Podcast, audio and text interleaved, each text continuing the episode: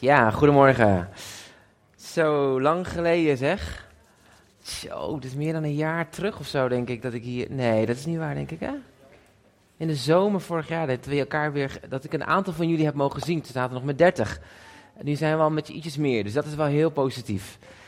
Ik, uh, we, het is wel heel leuk hoor. We hebben uh, met het oudste team altijd contact door de, door de week. Of door de week. En uh, ik, we zien elkaar sowieso twee keer in de maand. En, maar dan is het toch wel af en toe dat je denkt: Oh, je mist echt even een paar broeders en zusters. Maar ik ben zo blij dat ik een aantal van jullie weer zie. En dat is echt blij om te horen dat hier alles gezond en wel is. Ook dat sommige van jullie ook echt bespaard zijn. Uh, van, van corona, uh, ja, effecten daarvan. We hebben in onze gemeente in Almelo toch echt wel een paar klachten gehad hoor. Met mensen die echt ziek zijn geweest. Ook verdrietig, een oude buurvrouw die overleden is aan corona. En dat zijn allemaal dingen die dan heel dichtbij komen.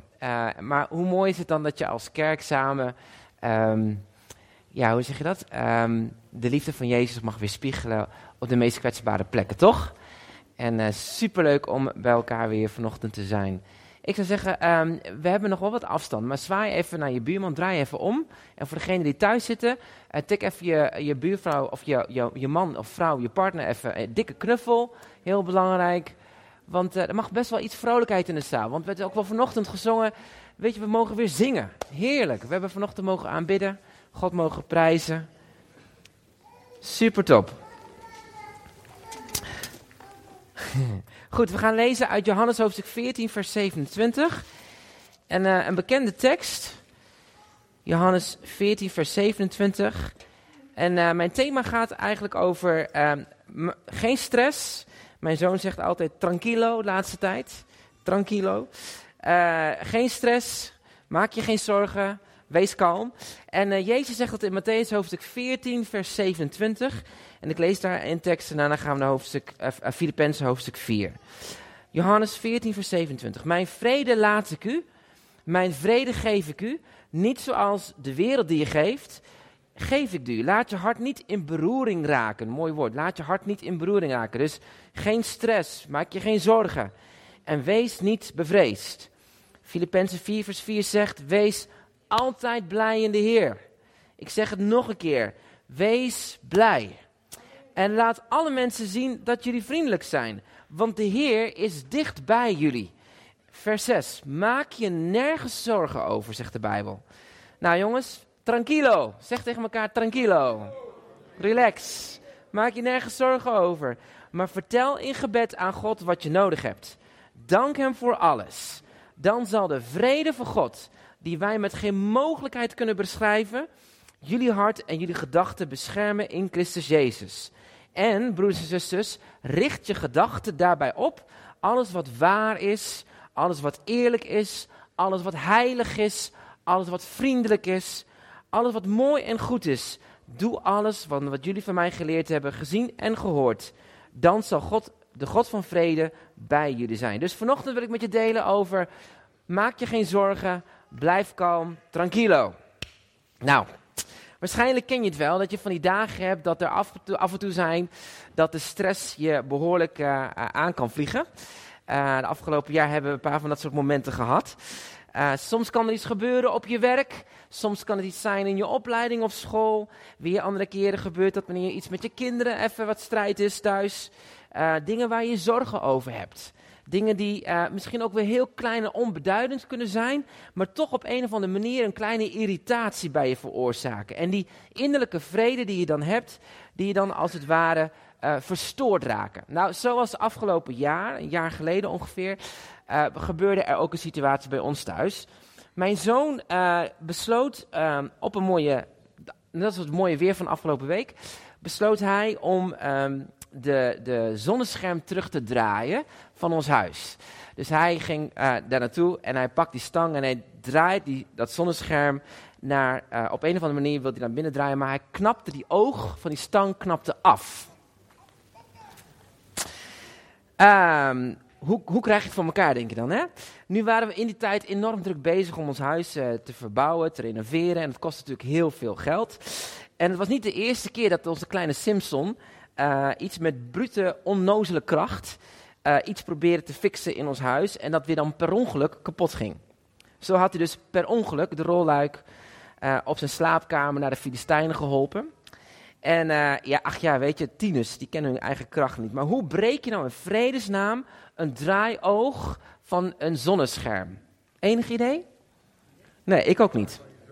Ja, maar goed, met veel gemopper en uren online zoeken, uiteindelijk had ik dus een knop gevonden. Ja, want je kan niet zomaar de winkel in, want het was corona, dus we konden nergens naartoe. Uh, en besteld en, nou, prijs God, die oog komt binnen na een paar dagen. Dus ik vol goede moed die oog op de draaistang proberen te fixen boven mijn hoofd. Vastbit en dat ding paste maar niet. Uiteindelijk had ik hem met veel gerop erop gekregen en toen deed ik de draaistang erin en toen, boem, knapte die kapot.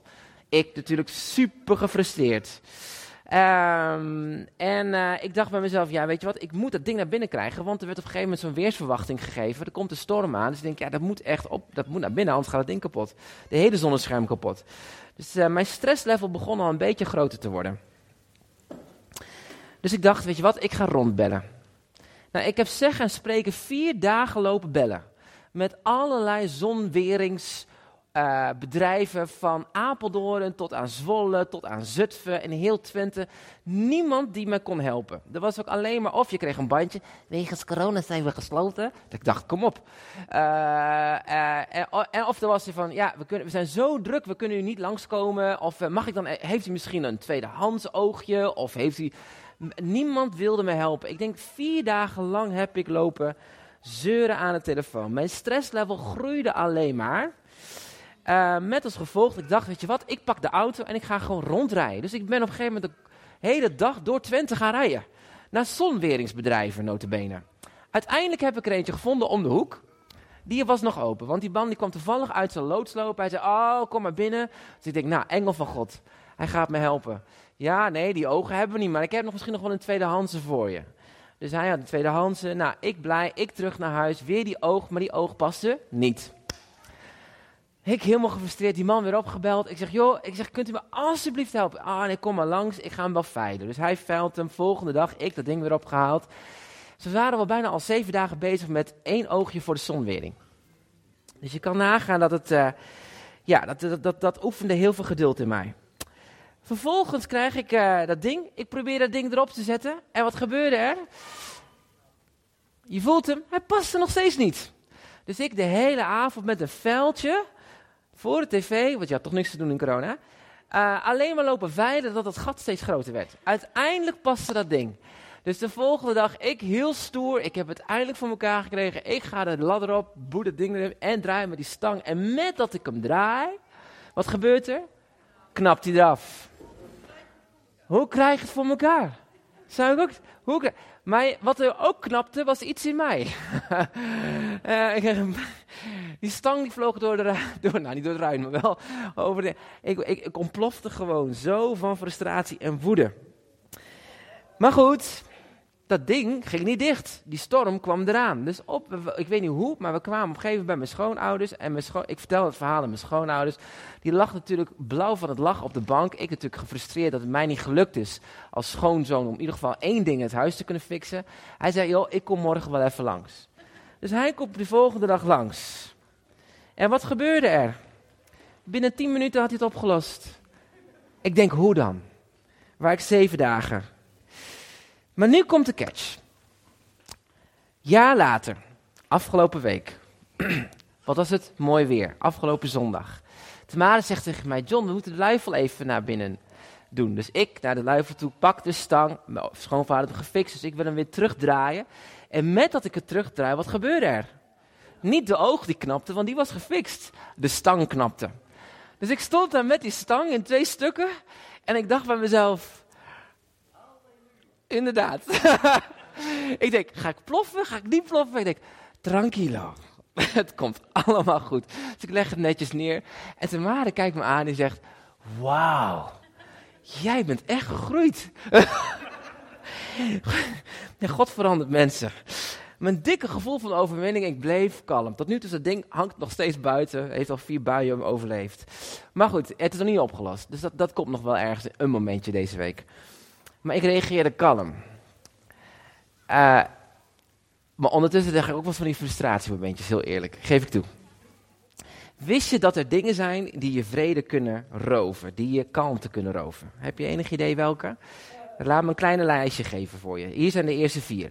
Een plotselinge situatie die je niet in de hand hebt of die je niet hebt voorzien. Dat is de eerste. Een plotselinge situatie die je niet hebt voorzien en die je niet in de hand hebt. Heel vaak kunnen dingen je vrede roven op het moment dat iets gebeurt wat je niet in je hand hebt of niet hebt voorzien. En als je uh, uh, een beetje een control freak bent en je houdt van orde en regelmaat, dan is dit wel een van de grootste strijdvlakken. Mensen die flexibel zijn, die denken, ach, komt wel goed, tranquilo. Maar over het algemeen mensen die, die of degene zeg maar, die daar wel van waarde aan hechten, dat dingen op orde gaan en dat het goed gaat. Ja, als een plotselinge situatie die je niet in de hand hebt, niet kan overzien, dan kan het je innerlijke vrede roven. Bijvoorbeeld, inderdaad, je wordt geconfronteerd met een ziekte. Dat is een groot iets, maar het kan ook iets heel kleins zijn. In één keer krijg je een mooie envelop terug van de Belastingdienst wat je moet betalen. Twijfel of zorgen. Um, een van de dingen die ons vrede kunnen roven op het moment dat we dingen gaan overdenken en overpijnzen, dat we gaan piekeren, zorgen maken over situaties. Dat is ook iets wat je vrede kan roven. Uh, een ander punt wat je vrede kan roven is de verkeerde keuzes die je maakt. Dat kan ook je vrede roven. Je weet eigenlijk dat je het niet moet doen en je doet het toch. Of als je heel eerlijk bent, je bent gewoon blind achter je gevoel aangegaan en achteraf dacht je, dat had ik beter niet kunnen doen.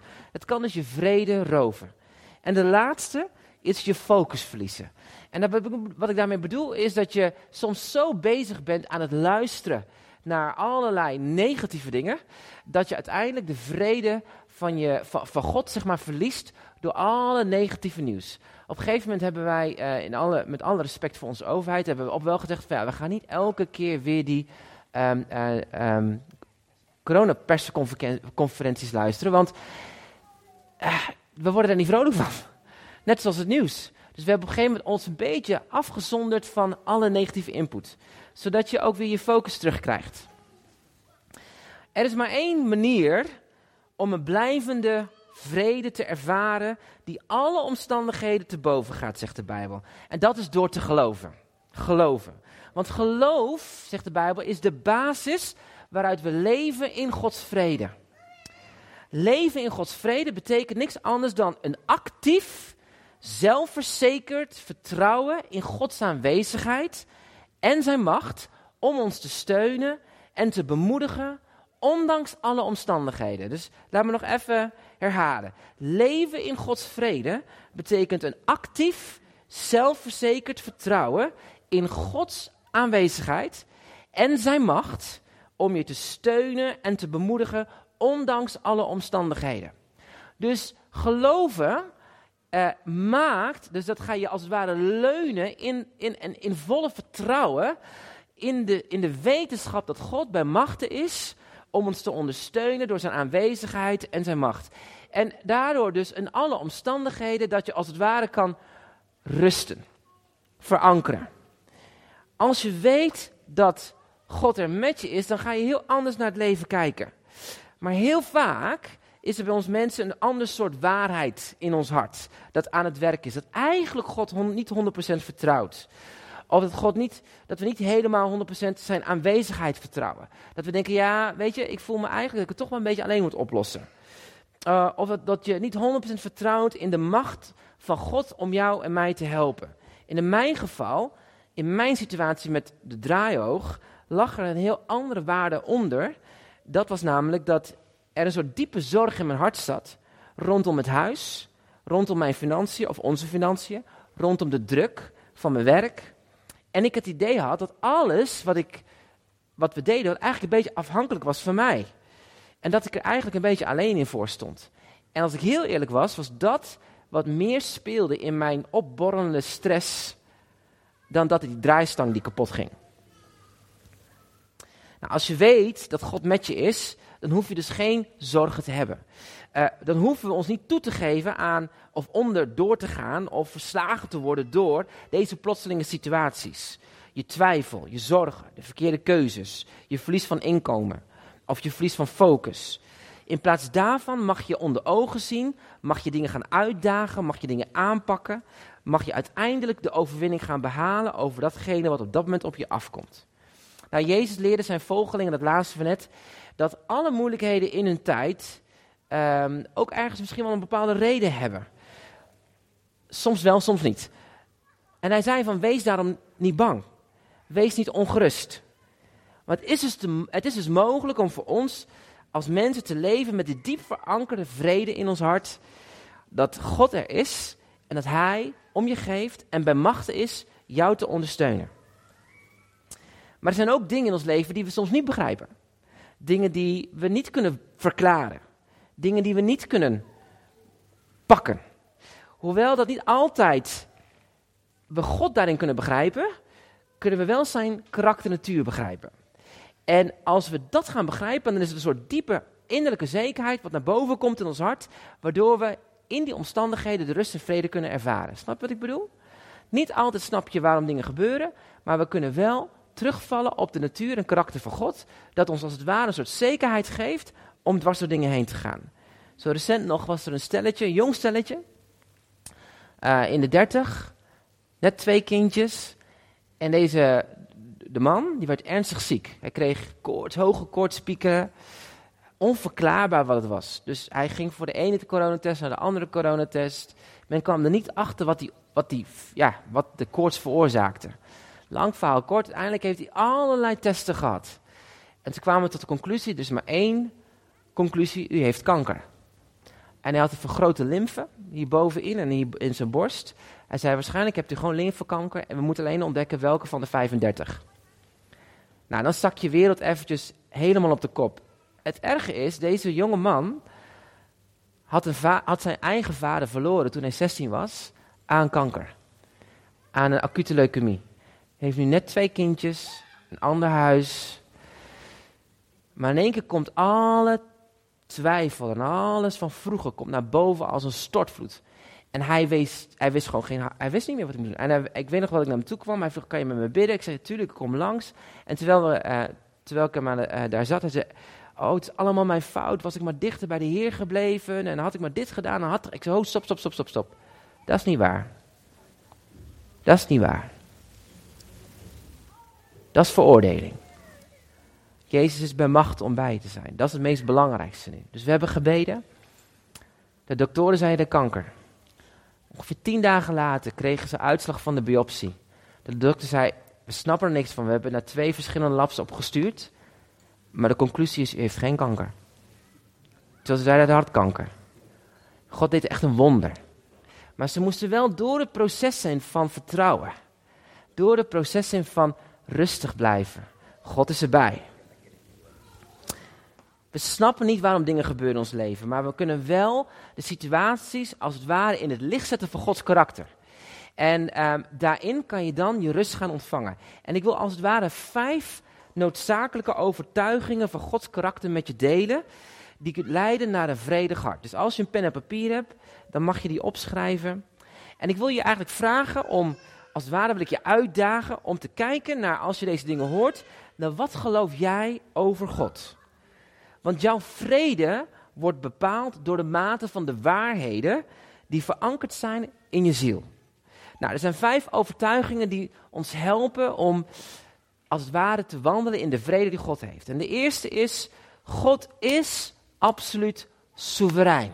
Dat is de eerste overtuiging. God is absoluut soeverein. En de vraag die ik eraan moet koppelen is dit.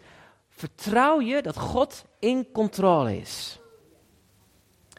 Nou, pak een situatie in je hoofd waarvan jij afvraagt hoe je hieruit komt. Vertrouw je dat God in controle is? Het herkennen en accepteren dat God soeverein is over alles is cruciaal voor innerlijke vrede. Hij is nog nooit de controle verloren over zijn schepping. En sinds het begin van deze tijd, zelfs niet voor een fractie van een seconde, is God nog nooit de controle verloren over zijn schepping. Hij is niet in zijn macht verminderd. Hij is niet zijn kracht verloren. Hij is vandaag nog steeds almachtig, nog steeds alwetend, nog steeds alomvertegenwoordigd en nog steeds vol liefde en alomwezig, zelfs toen hij de mens geschapen had, tot op vandaag, vandaag in coronatijd. Iemand zei eens tegen mij, nou, God viel niet van zijn troon af toen corona kwam. Voor God was het helemaal geen nieuwsflash. Oh, nu is corona. Hij wist het al. En God is zijn macht niet verloren. En dit betekent dat niets wat met jou en met mij te maken heeft, buiten het bereik van God ligt. Buiten het toeziend oog van God ligt. En zijn liefdevolle zorg ligt. Amen. Dus God is absoluut rein. Mijn vraag is: geloof je dat Hij in controle is? Misschien is dat wel een, dat je denkt, nou ja, ergens weet ik hem hier, maar hier. En misschien mogen we vanochtend wel vragen: Heer, help me om u, help me om te gaan geloven dat u soeverein bent. Dat u echt letterlijk de wereld in uw handen draagt. Overtuiging 2. God zorgt altijd voor zijn kinderen. God zorgt voor iedereen. Van kaf tot kaf in de hele Bijbel kan je lezen dat God voor zijn geliefde kinderen, voor de mensen zorgt. Dat hij zorgt voor degenen die dingen nodig hebben. Er is niets te groot, niets te problematisch, niets te ernstig, niets te, te, te, te heftig waar God niet bij kan. En dit vertelt de Bijbel ons letterlijk in Psalm 34, vers 10. Als we Hem dienen, als we Hem vrezen, als we Hem volgen, zullen we nooit, maar ook nooit gebrek lijden. Vertrouw je dat God 100% voor je zorgt. Als je net een nieuwe baan hebt en je hebt nog geen vast contract, vertrouw je dat God voor je zorgt. Als je in een situatie zit van, ehm, dat je ergens alleen voor staat, vertrouw je dat God voor je zorgt. Vertrouw je dat Hij bij je is. Want dat geeft die innerlijke vrede die je zo hard nodig hebt. Overtuiging 3.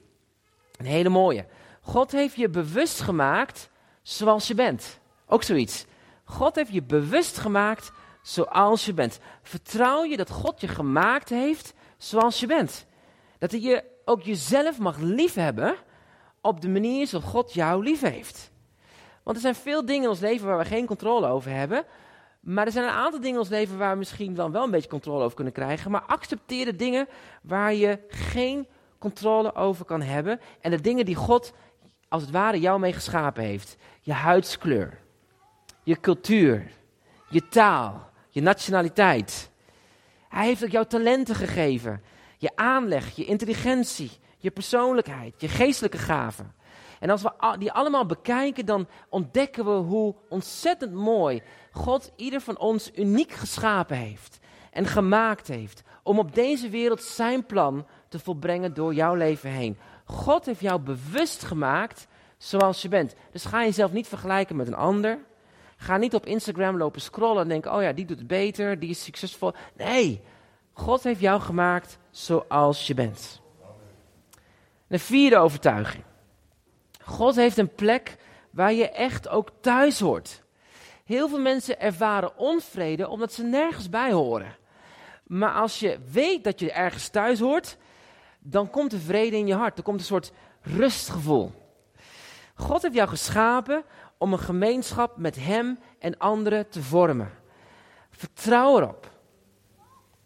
Vertrouw erop dat Hij je wil helpen een gevoel van saamhorigheid te ontvangen. Om een gevoel van familie te ontvangen. Om medegelovigen te vinden waar je thuis mag voelen. En als je dan groeit in Hem, reik dan ook je hand uit naar anderen om die anderen ook te laten groeien. God wil jou gebruiken in dat gezin om een ander thuis te laten voelen. Maar ook jij mag weten dat je thuis hoort bij Hem. God heeft een plek waar je echt thuis hoort. Vertrouw je erop dat je ergens bij hoort. Oh, hoeveel mensen voelen zich de afgelopen periode in corona zo alleen, hè? Heb je er even over nagedacht? Er zijn zoveel mensen hebben zich echt alleen gevoeld. Dat is raar.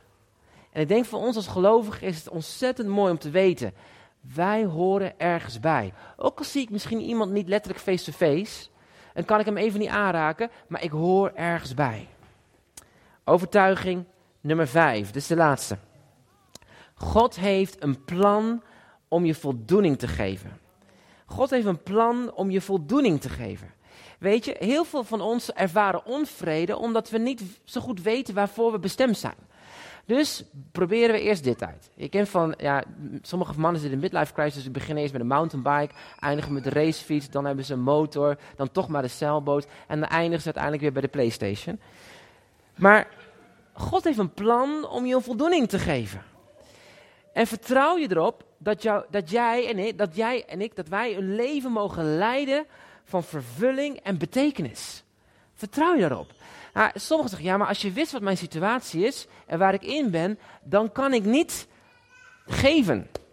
Maar juist daar waar je nu in zit, jouw vijf broden en twee visjes, wil God gebruiken zodat jij je leven van betekenis mag gaan leiden.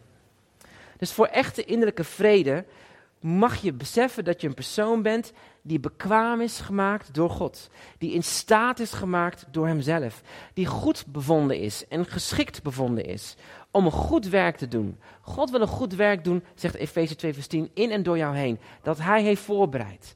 En juist wanneer je dan te leert te delen van wat je hebt in de fase waar je zit, dan zul je ontdekken hoeveel blijdschap erin zit. Heel veel mensen delen niet meer omdat ze bang zijn dat ze tekort komen. Maar als jij leert te delen met datgene wat je hebt, zul je altijd ontdekken dat je ontzettend rijk bent. En weet je wat zo gaaf is? Juist mensen die uitreiken in, een nood, in hun nood, uitreiken naar mensen die in een ander nood zitten, ervaren overvloed. Dat is echt zo. Als ik in een nood zit en ik ga leren kiezen om te delen vanuit mijn nood, niet vanuit mijn overvloed, want dat is makkelijk, maar vanuit mijn nood, dan is God in staat om het terug te zegenen. En er is een veelheid, een volheid. Nou, check die vijf overtuigingen. De eerste was, God is soeverein. De tweede was, God zorgt voor je. De derde was, God heeft je gemaakt zoals je bent. De vierde is, God heeft een plek voor je waar je thuis hoort. En de vijfde is, God heeft een bedoeling met jou en mijn leven. Nou, misschien twijfel je aan een van die vijf. Of misschien twijfel je aan alle vijf, dat kan natuurlijk ook.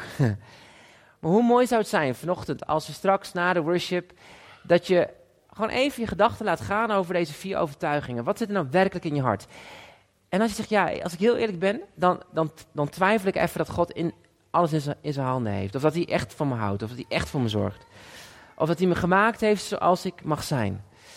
Dan wil ik je uitnodigen, alvast, straks na de dienst, begreep ik dat er bij Christus, dat hier, dat er gebeden kan worden. Dan wil ik je uitdagen om naar voren te komen. En ook dat je dat in gebed bij God die twijfel neer mag leggen. En, en dat je ook de vrede van God mag gaan ervaren door de Heilige Geest. Die in jou wil komen om jou te laten zien dat jij mag wandelen in een, in een wandel van, van, van innerlijke vrede en rust. God wil jou innerlijke vrede en rust geven. En dit brengt ons terug dan weer bij Filippenzen hoofdstuk 3. En daar wil ik mee afsluiten. Wees altijd blij in de Heer, zegt Paulus. Wees altijd blij. Ik zeg het je nog een keer, wees blij. Laat alle mensen zien dat jullie vriendelijk bent. De Heer is dicht bij jullie. Maak je nergens zorgen over. Maar vertel in gebed aan God wat je nodig hebt. Dank Hem voor alles. Dan zal de vrede van God, die wij met geen mogelijkheid kunnen begrijpen, jullie hart, ons hart en onze gedachten beschermen in Jezus Christus. En broeders en zusters, richt je dan je gedachten op alles wat waar is, alles wat eerlijk is, heilig is, vriendelijk is, mooi is. En doe alles wat je hebt geleerd. Dan zal God van de vrede bij jullie zijn. Amen. Vader, dank u wel dat u door uw Heilige Geest ons uw vrede wil geven. Vrede die niet vanuit de wereld komt. Vrede die niet komt als we, als we ons schaapjes op het droog hebben. Vrede die niet komt wanneer iedereen doet wat we zeggen. Vrede die niet komt wanneer we nou ja, het prachtige huis hebben of de BMW 7-serie rijden. Vrede die niet komt, Heer, wanneer we een, een, per se in een relatie zitten. Vrede die niet komt wanneer we kijken, Heer, naar alle materiële, ja, materiële dingen. Maar vrede die van boven komt. Die boven alle omstandigheden uit rust en zekerheid geeft. Vrede die soms bijna niet te bevatten is. Vrede die ons uh, over de kleine dingetjes in irritatie als het ware heen laat stappen. Maar ook wanneer we geconfronteerd worden met moeilijke, heftige uh, dingen in ons leven waar we geen antwoord op hebben. Die vrede dan ons draagt. De vrede die komt door uw shalom. Heer, ik wil u danken dat we, we mochten de shalom toebidden over Jeruzalem. We mochten het zingen over het fundament dat u bent, Heer. Dat u bent trouw, Heer, in alles. Uh, en ik dank u wel, Heer, dat we zo dat mochten beleiden. Maar we bidden, Heer, dat die vrede vanochtend ons harten mag gaan vervullen. De vrede van Jezus Christus, Jezus Hemzelf. Zodat wij, Heer, als mensen die overtuiging van ons hart in het licht mogen leggen van de absolute waarheid. En dat zegt dat Jezus is Heer over alles.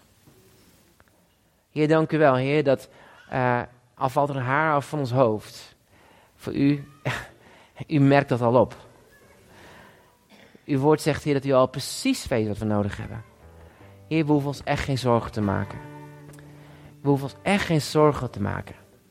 En ik dank u wel, Heer, dat u vandaag met uw liefde die vrede wil uitstorten in ons hart. En Heer, daar waar er leugens zijn, onze eigen gedachten, dat we die als het ware vandaag bij het kruis mogen leggen. En, en dat mogen doorbreken in Jezus' naam. En dat de vrede van God mag overspoelen eh, die onrust. En weg mag spoelen. En dat ons hart vervuld mag worden in de machtige naam van Jezus. Amen.